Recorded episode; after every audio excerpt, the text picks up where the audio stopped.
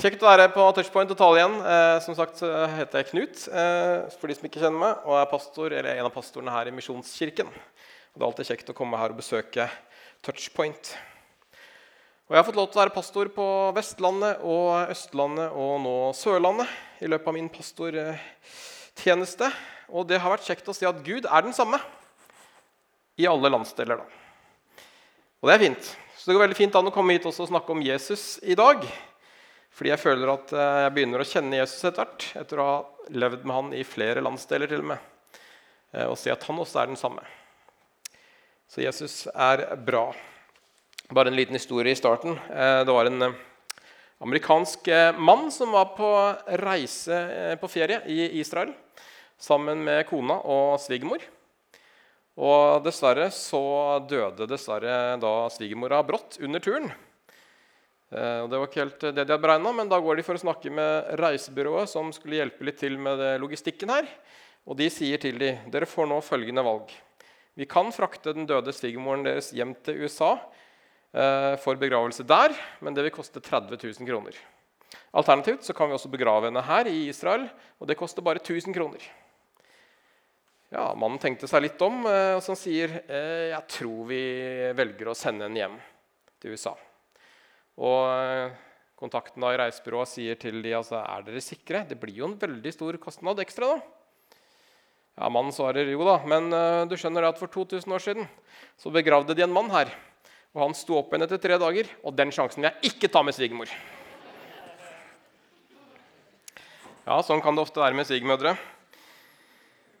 Men han henviste da selvfølgelig til eh, Jesus, eh, som sto opp etter tre dager. Og det er også Jesus som er temaet i dag, fordi at uten Jesus så hadde det ikke vært noen kristen tro. Så Temaet som ble nevnt her i stad på Touchpoint om dagen, er altså Jesus fra ord til handling. Så jeg skal få lov til å si noen ord om eh, ordet, som vi fikk høre i stad. Og det blir mest fokus på Jesus, hvem han var, og hvem han er. Hva vi kan lære av ham.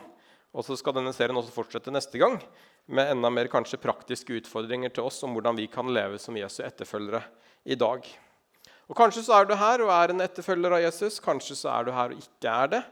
Jeg håper i hvert fall at denne talen i dag kan oppmuntre deg til å bli det, eller til å være det enda mer i året som ligger foran. For Jesus han var en fantastisk person. Han er faktisk den mest innflytelsesrike personen som har eh, levd på jorda. Han eh, er den eneste som har klart å få en tidsregning oppkalt etter seg. Vi er nå i år 2020 etter Kristus. Det er ganske spesielt i seg selv. Så Vi skal se litt i dag på noen historier om hvordan Jesus levde, som jeg tror vi kan lære noe av. Vi skal se på noe av det han sa, eh, og mest på noe av det han gjorde, noen av handlingene hans. Selv om hans ord og handlinger ofte hang veldig sammen. da. For det som var fint med Jesus, det var at han var ikke en som bare hadde det i kjeften. Og jeg er ganske sikker på at Hvis han bare hadde vært en som var god med ord, men ikke så god på handling, så tror jeg ikke at vi hadde hatt den samme kjennskapen til Jesus i dag som vi har. For jeg tror at det unike med Jesus var at han også levde ut det han prekte. Han viste i handling at han var mer enn bare noen fine ord og litt visdom men han praktiserte troen. Men la oss begynne med noen setninger som Jesus sa om seg selv. Han sa bl.a. i Johannes 8,12.: Jeg er verdens lys. Den som følger meg, skal ikke vandre i mørket, men ha livets lys. Verdens lys, sa han, for hele verden. Han sa også et annet sted at han, var, at han er oppstandelsen og livet. At de som trodde på han ikke skulle dø, men ha evig liv. Det er store ord å si. I Matteus 11,28 så sa han, 'Kom til meg, alle dere som strever og bærer tunge byrder, så vil jeg gi dere hvile.' Jeg vil gi dere hvile, sa han hvis dere kommer til meg. Noen kan noen ganger tenke at det er litt sånn stress å være kristen. Men Jesus snakker her om hvile og fred, og at de kan få lov til å hvile i ham. Og Et av de mest kjente sitatene fra Jesus, som er blitt mest kjent, det står i Matteus 7,12. Ofte kalles for den gylne regel. Der står det at alt dere vil at andre skal gjøre mot dere, skal også dere gjøre mot dem. Det var bare noen eksempler på noe av det Jesus sa, og det er eh, mye visdom i Jesu undervisning. Og Det bare underbygger egentlig det at det var noe spesielt med Jesus. Han var en stor lærer, han var en vis mann. Og jeg anbefaler virkelig å lese evangeliene. Vi har fire av de i Det nye testamentet i Bibelen, og de handler om Jesu liv og lære. Og Der kan du lese om hans liv på jorden, og også det han sa. Og Det er veldig mye godt å hente der, i tillegg til de versene som vi akkurat hørte som eksempler. Jesus sa mye for 2000 år siden som fortsatt i dag er utrolig bra. Veldig mye av Jesu lære, om ikke alt, var ikke bundet av tiden. Altså Det var ikke bare relevant der og da, men det er fortsatt relevant i dag, 2000 år senere. Og Det er også noe av det som gjør Jesu lære helt spesiell. For det er ikke mange andre gjennom historien som har sagt veldig mye for så lenge siden som fortsatt er relevant for oss i dag. Men det tyder på at Jesus visste at det, når han sa det, at dette er ikke noe som bare kommer til å vare 100 år, men dette er noe som folk kommer til å fortsatt ta til seg og lese om flere tusen år fram i tid. Og Det er noe av det som gjør det spesielt. I tillegg til alt han sa og bar på av visdom, så møtte han også mennesker på en fantastisk måte. Og Vi skal se på tre eksempler sammen i dag. På tre møter mellom Jesus og andre mennesker. Eller tre andre personer. Og Den første historien vi skal begynne med, det er når Jesus kaller disippelen Peter til å være en disippel. Og Historien står i Lukas 5, så du kan lese den selv der, fra vers 1 og utover. Men i Lukas kapittel 5 står det at en gang Jesus sto ved Genesaretsjøen og folk trengte seg om for å høre ham, fikk han se to båter som lå ved stranden. Fiskerne var gått ut av dem og holdt på å skylle garnene sine. Jesus steg opp i en av båtene, den som tilhørte Simon, og ba ham legge litt ut fra land. Så satte han seg og underviste folkemengden fra båten. Det var så mange som ville høre at Jesus måtte litt ut på vannet for å kunne forkynne til alle. Så fikk han litt avstand. Og Da han var ferdig med å tale, så sa han til Simon.: Legg ut på dypet og kast noten til fangst. Mester, sa Simon, vi har strevd hele natten og ingenting fått. Men på ditt ord vil jeg kaste noten. Og så gjorde de det, og så fikk de så mye fisk at noten holdt på å revne. Og så ga de tegn til kameratene i den andre båten at de skulle komme og hjelpe. Og da de kom, fylte de begge båtene, så de var nær ved å synke. Da Simon Peter så det, kastet han seg ned for Jesu føtter og sa, 'Gå fra meg, Herre, for jeg er en syndig mann.' For han og alle som var med ham, de var slått av undring over den fangsten de hadde fått. En som heter Magnus Malm han eh, skriver i en av sine nyeste bøker eh, 'Fri til å tjene' om akkurat den historien her med Peter og Jesus. Og Da skriver han at det er litt spesielt at Peter kaster seg ned foran Jesu føtter og sier 'Gå fra meg, Herre, for jeg er en syndig mann'. For Jesus har jo ikke sagt et ord om synd. Men i møte med denne godheten, i møte med en mann som bare vil han vel, altså gi han fisk, da, som var det de trengte der, så gjør det noe med Peter. Peter skjønner at dette er ikke bare en vanlig mann. Det er noe spesielt med Jesus. Og jeg tror at det var sånn når Jesus møtte mennesker, så satte det spor i menneskene. Det satte avtrykk. Og mennesker rundt Jesus som møtte han, de skjønte at her er det noe spesielt. Det er ikke bare en vanlig mann, men det er noe spesielt med Jesus. Og Så ber Jesus Peter om å følge han, og så gjør han det. Og Så blir han en disippel og så får lov til å oppleve mange ting. Selv om Peter selv innser at han er en synder, så han sier at 'jeg er en syndig mann', men det er vi jo alle. Alle mennesker er syndige. Og Allikevel kunne Jesus bruke Peter, og allikevel kan Jesus bruke oss. Og Vi trenger ikke å få orden på livene våre først, og så bli på en måte verdige nok til å bli en Jesu etterfølger. Nei, Vi kan få lov til å komme akkurat sånn som vi er. Og Det skal vi også få se et godt eksempel på nå i den neste historien eh, om Jesus når han møter et menneske. og er, Den står i Lukas 19 og er en av mine absolutte favorittfortellinger i Bibelen. Og Jeg refererte den også på gudstjeneste her i går. For det handler om Jesus og Sakkeus. Og Det står der i Lukas 19 at Jesus kom til Jeriko og dro gjennom byen. Der var det en mann som het Sakkeus. Han var overtoller og svært rik. Han ville gjerne se hvem Jesus var, men han var liten av vekst og kunne ikke komme seg forbi folkemengden. Da løp han i forveien og klatret opp i et morbærtre for å se ham på et sted hvor han visste at Jesus måtte komme forbi.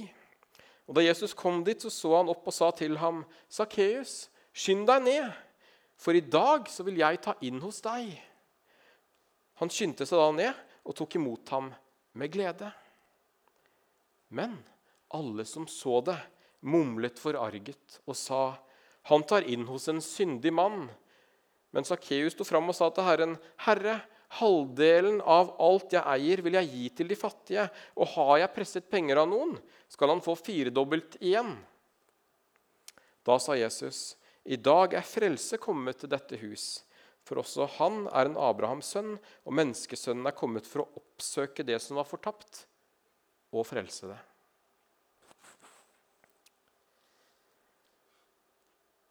Sakkeus var overtoller og svært rik, sto det.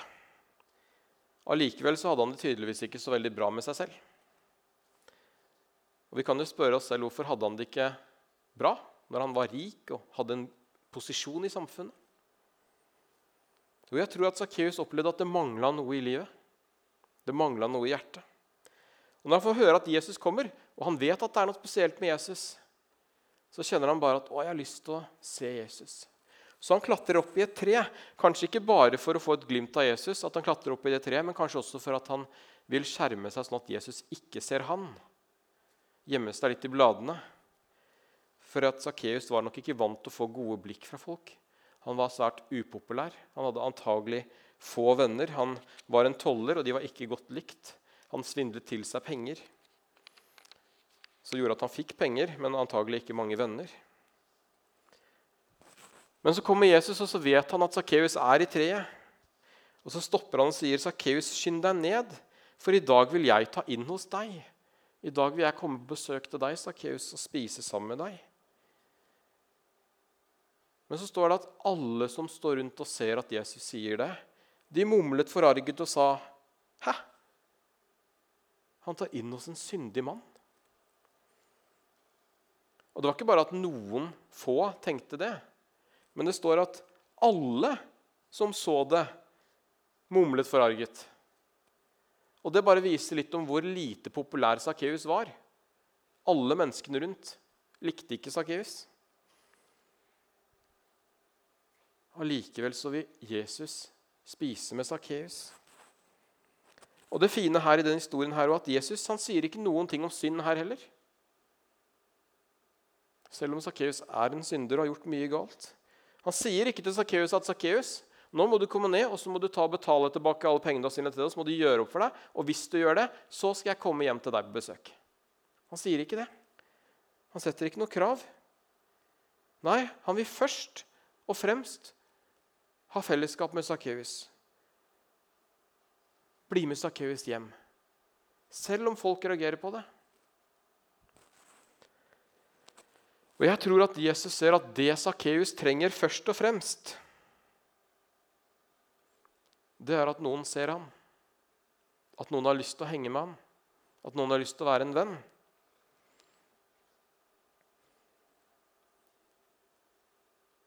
Og i møte med den kjærligheten, i møte med den godheten, med disse øynene til Jesus, med disse hendene til Jesus som strekker seg fram så blir Sakkeus forandra. Fordi at noen så han, og det var det som var behovet hans. Jesus møter Sakkeus sine behov uten å dømme ham. Og Det syns jeg er godt å se. og jeg tenker at Vi har mye å lære av hvordan Jesus møtte mennesker. Og Når jeg ser meg selv og mange andre kristne skriver i sosiale medier på Facebook om det ene og det andre, så tenker jeg at ja, vi er ikke så flinke som Jesus alltid til å ikke dømme og møte mennesker med utstrakte hender og kjærlighet. Og kanskje noen ganger litt for flinke til å peke på, på synden først, istedenfor å først ville ha fellesskap med mennesker. Og så kommer kanskje det andre etter hvert.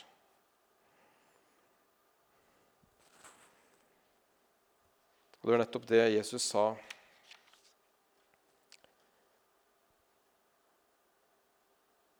At menneskesønnen er kommet for å oppsøke det som er fortapt, og frelse det.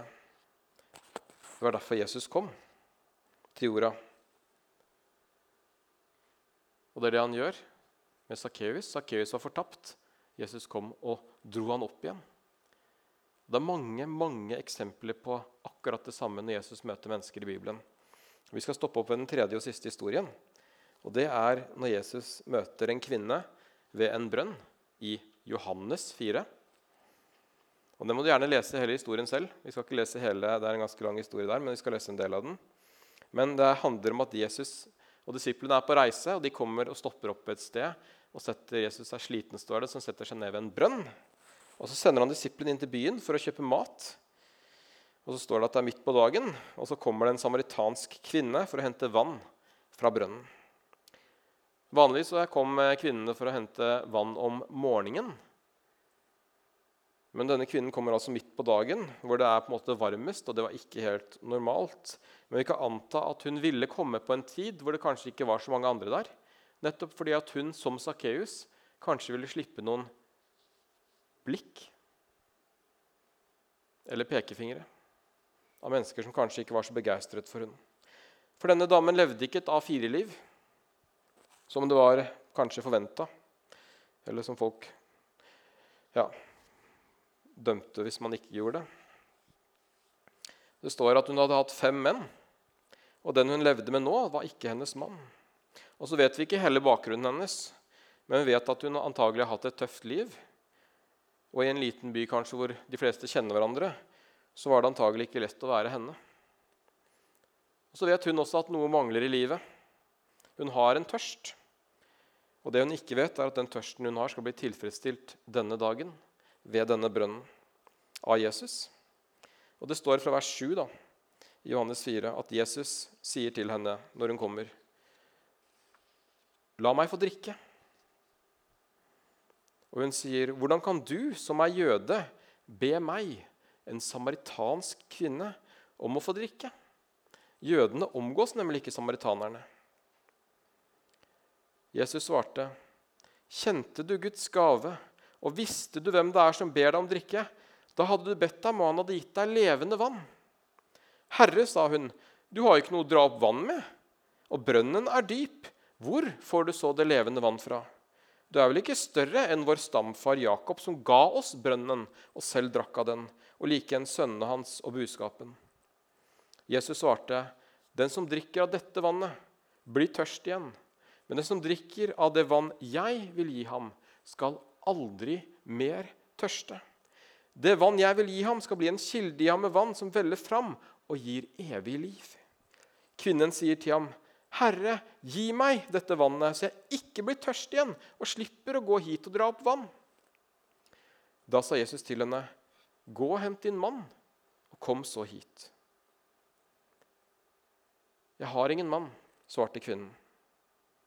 'Med rette sier du at du ikke har noen mann', sa Jesus. For du har hatt fem menn, og den du har nå, er ikke din mann. Der snakket du sant.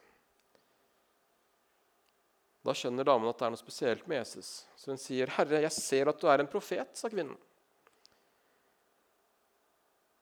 Våre forfedre har tilbudt Gud på dette fjellet, og dere sier at Jerusalem er det stedet hvor en skal tilbe. Og Jesus sier til henne, 'Tro meg, kvinne, den tid kommer da dere verken skal tilbe Faderen på dette fjellet eller i Jerusalem.' Dere tilber det dere ikke kjenner, men vi tilber det vi kjenner, for frelsen kommer fra jødene. Men den tid kommer, ja, den er nå, da de sanne tilbedere skal tilbe Faderen i ånd og sannhet. For slike tilbedere vil Faderen ha. Gud er ånd, og den som tilber ham, må tilbe i ånd og sannhet. Jeg vet at Messias kommer, sa kvinnen. Messias er det samme som Kristus. Og når han kommer, skal han si oss alt. Og Jesus sier til henne, 'Det er jeg, jeg som taler med deg.' Så Jesus sier til henne at han er Messias. Og så står det at I det samme så kom disiplene hans, og de undret seg over at han snakket med en kvinne. Men ingen av dem spurte hva han ville, eller hvorfor han snakket med henne. Kvinnen lot nå vannkrukken stå og gikk inn til byen og sa til folk.: Kom og se, en mann som har fortalt meg alt det jeg har gjort. Han skulle vel ikke være Messias? Da dro de ut av byen og kom til ham. Det er en interessant samtale som foregår her i brønnen mellom Jesus og denne kvinnen. Og Som mange av de andre som Jesus møtte, så skjønner også denne kvinnen at det er noe spesielt med Jesus. Han er ikke som alle andre. Så hun tror først at han er en profet, før hun etter hvert skjønner at han er selveste Messias, som de venter på. Fordi at Jesus sier det selv. Og igjen så møter Jesus kvinnen med respekt. Og så forteller han detaljer om livet hennes som han ikke kunne vite så hun skjønner at han er spesiell. Men igjen dømmer han henne ikke. Han sier ikke 'gå opp og ordne i forholdene dine' og kom tilbake igjen. Men han åpenbarer faktisk for denne kvinnen at han er Messias. Det er jeg, sier han. Dette er et av de få stedene i evangeliene hvor Jesus faktisk sier selv at han er Messias. Og han gjør det fordi han ser hva denne kvinnen trenger i sitt liv. Hun trenger Jesus. Hun trenger en Messias. Og så får hun det. Og Jesus er villig til å gjøre det for henne fordi at han bryr seg om den ene. Han brydde seg om Peter, han brydde seg om Sakkeus, han bryr seg om kvinnen ved brønnen. Det kan være lett noen å tenke at okay, Jesus hadde begrensa tid på jorda. Han burde jo utnytte tiden og prate med flest mulig og bare store folkemengder. og sånne ting. Og Likevel ser vi stadig Jesus bruke tid med enkeltmennesker. For også å vise disiplene at den ene er viktig. Og for å vise oss i dag at den ene er viktig.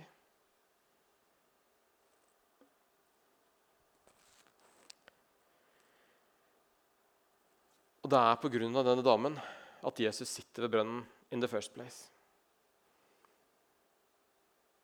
Det var ikke en vanlig rute disiplene og Jesus dro opp når de satte seg ned ved den brønnen. Men jeg tror de dro den veien fordi Jesus visste at det var noen han skulle møte, som trengte ham. Han vet at han kan få lov til å bety noe for denne damen som har det vanskelig. Og hva skjer? Jo, i et møte med Jesus så blir hun forvandla. Og ikke bare blir hun forvandla, men byen hennes blir forvandla. Det står senere at flere i byen kom til tro på Jesus pga. kvinnens vitnesbyrd. Det var en kvinne som de normalt antagelig ikke ville høre på engang.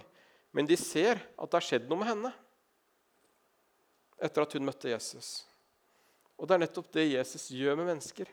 Han forandrer dem, han forvandler dem og gir dem nytt liv. Og det ser folk. Og bare pga. at de står forvandlingen hennes, så kommer mennesker til tro, står det. Kvinnen ble forvandlet ved Guds nåde. Hun som gikk alene til brønnen for å slippe å møte mennesker midt på dagen, oppsøkte senere mennesker for å fortelle om hva hun hadde opplevd med Messias. Og Det er nettopp det Guds nåde gjør, og det er derfor Jesus kom til jorda. Guds nåde fyller det tomrommet som vi alle mennesker har. Når det tomrommet er tomt, så prøver vi mennesker å fylle det med andre ting. Makt, penger, begjær, jobb, alkohol osv. Sakkeus prøvde å fylle tomrommet med penger og posisjoner. Kvinnen prøvde å fylle det med menn.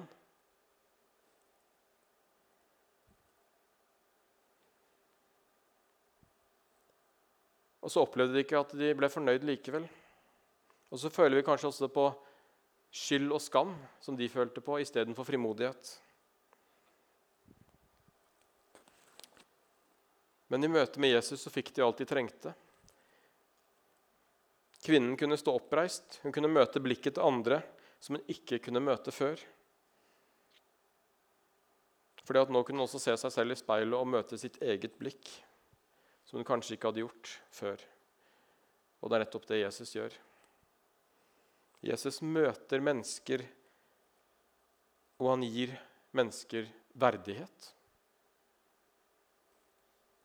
Han gir mennesker verdi, og han gir mennesker anerkjennelse.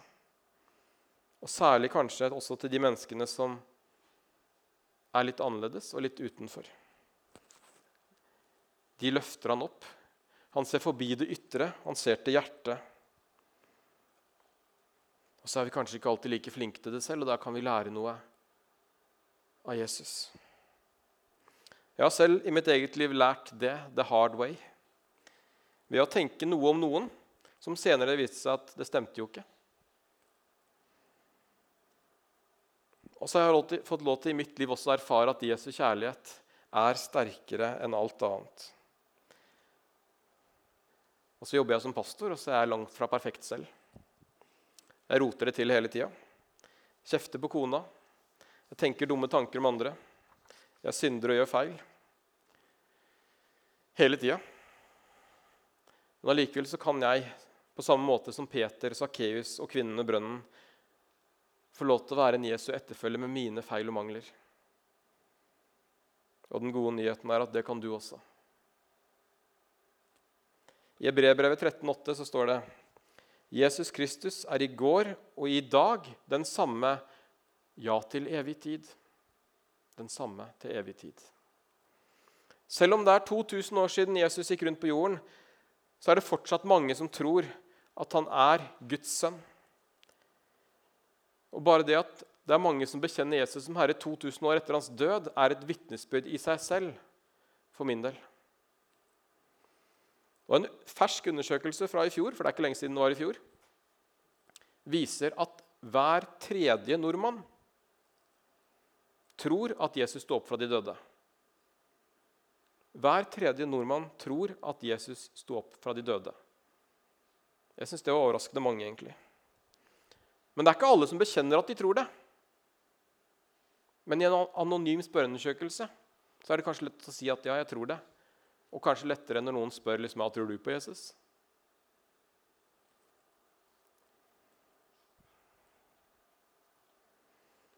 Jeg tror det er en grunn til at mange fortsatt bekjenner at Jesus sto opp for de døde. For det er noe spesielt med Jesus.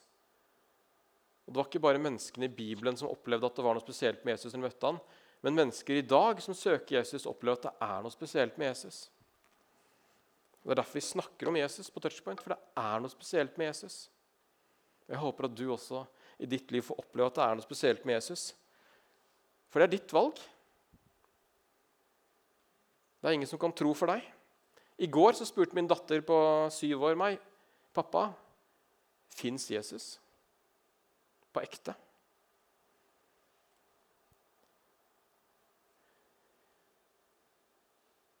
Hun har kommet i en alder hvor hun har skjønt at julenissen ikke fins. Og så lurer hun på er det det samme greia med Jesus. liksom? Er det litt sånn som julenissen?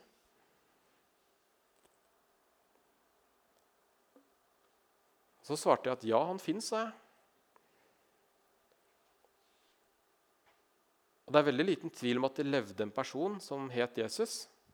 De fleste er enige om det, sa jeg. Men folk er kanskje litt uenige om han var Guds sønn eller ikke. sa jeg. Og Det handler om hva vi tror. Og vi tror det, sa jeg. Men om han er Guds sønn eller ikke, det er det vi må finne ut av alle sammen i våre liv. Og For min datter så holder det ikke at jeg tror. Hun må få lov til å finne sin egen tro. Hun må finne ut når hun også blir eldre, hva slags relasjon hun vil ha til Jesus. Og til deg i dag så jeg har lyst til å spørre deg Hvem mener du at Jesus er? Tror du at han var en vis historisk person som levde en gang, som vi kan lære noe av i dag? Tror du han var en svindler? Tror du han var Guds sønn og vår frelser? Eller har du kanskje ikke helt landa på hva du tror? Er du usikker? Jesus sa om seg selv i Johannes 14 Johannes. Jeg er veien, sannheten og livet. Ingen kommer til Faderen uten ved meg. Jeg er veien, sannheten og livet. Ingen kommer til Faderen utenom meg.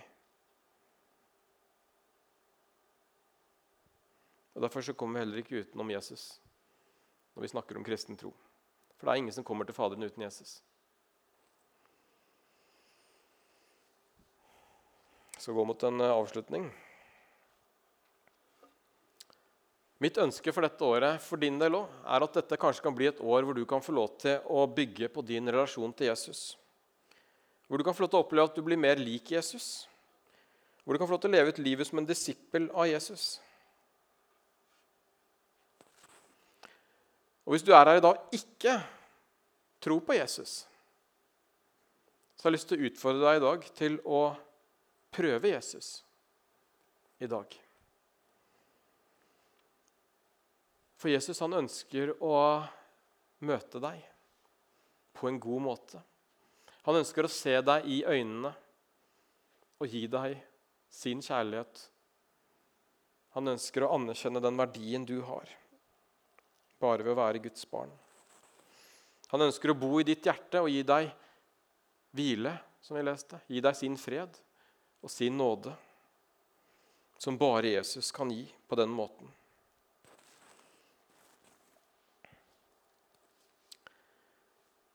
Så jeg har lyst til å gi deg en konkret utfordring på det. Så jeg har lyst til at de bare nå på, i starten av et nytt år kan ikke bare lukke øynene og senke hodene litt, alle sammen.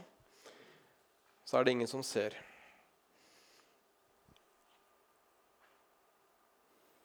Og Hvis du er her og ikke tror på Jesus, eller er usikker på om du tror, eller om du bare har lyst til å ta en bestemmelse i dag på at Jesus 2020 skal bli et år som jeg kan få lov til å leve sammen med deg Og jeg har lyst til å gi deg en sjanse, Jesus, til å lede meg i mitt liv.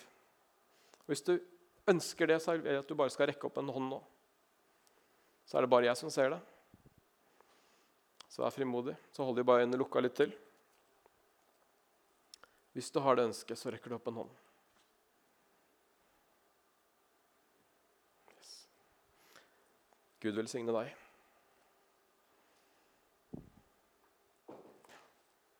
Gud velsigne deg også.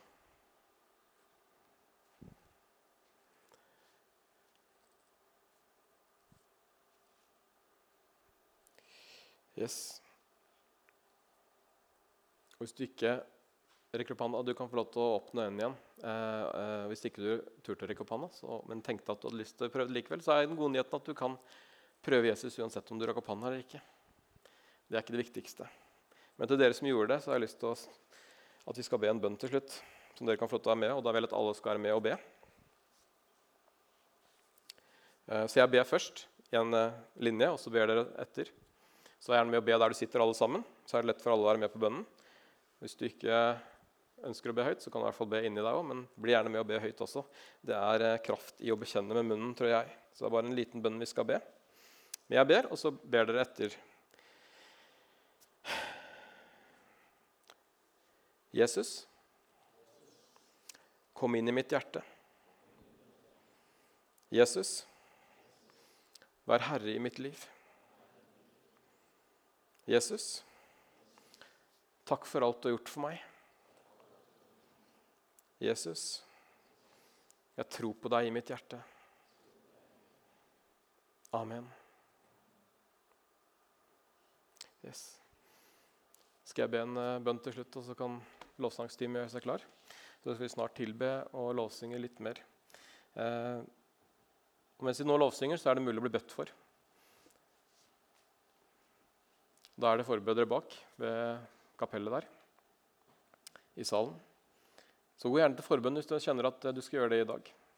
Kanskje i forhold til et valg du har tatt i dag. Kanskje i forhold til at du ønsker å leve livet sammen med Jesus dette året. Eller kanskje det er andre ting du har lyst til å bli bedt for, så er det gode forbød der nede som gjerne vil be for deg. Så bruk gjerne den muligheten under lovsangen. Men eh, vi ber sammen først. For eh, kjære far, takk for eh, stunden vi er sammen her i dag, far. Jeg takker deg, Jesus, for eh, at du har vist oss hvem du er gjennom eh, Bibelen og ditt ord, far. Takk for alt det gode du sa, som vi kan få lov til å ta til oss i dag, far. Og, og bruke hverdagen i dag, far. Selv om det er 2000 år siden du levde, så takker jeg deg for at din lære fortsatt er like relevant i dag for mennesket, far. Takk for også det, den måten du møtte mennesker på, far, som vi kan få lov til å lære av, far. Må du hjelpe oss i våre liv far, til å møte mennesker på en god måte, slik du møtte mennesker, Jesus. Hjelp oss å se den enkelte, far. Hjelp oss å se de som trenger det, far. Og hjelp oss til å bringe din kjærlighet til mennesker, far, slik at de kan få et møte med deg, Jesus. Takk, far, for hver enkelt som er her nå. Takk for at du elsker hver eneste en som er her så uendelig mye, far. Må du velsigne hver eneste en, Jesus. Hjelp oss til å få lov til å se og oppleve mange gode ting med deg dette året, Jesus. Det ber vi om, far. I Jesu navn. Amen.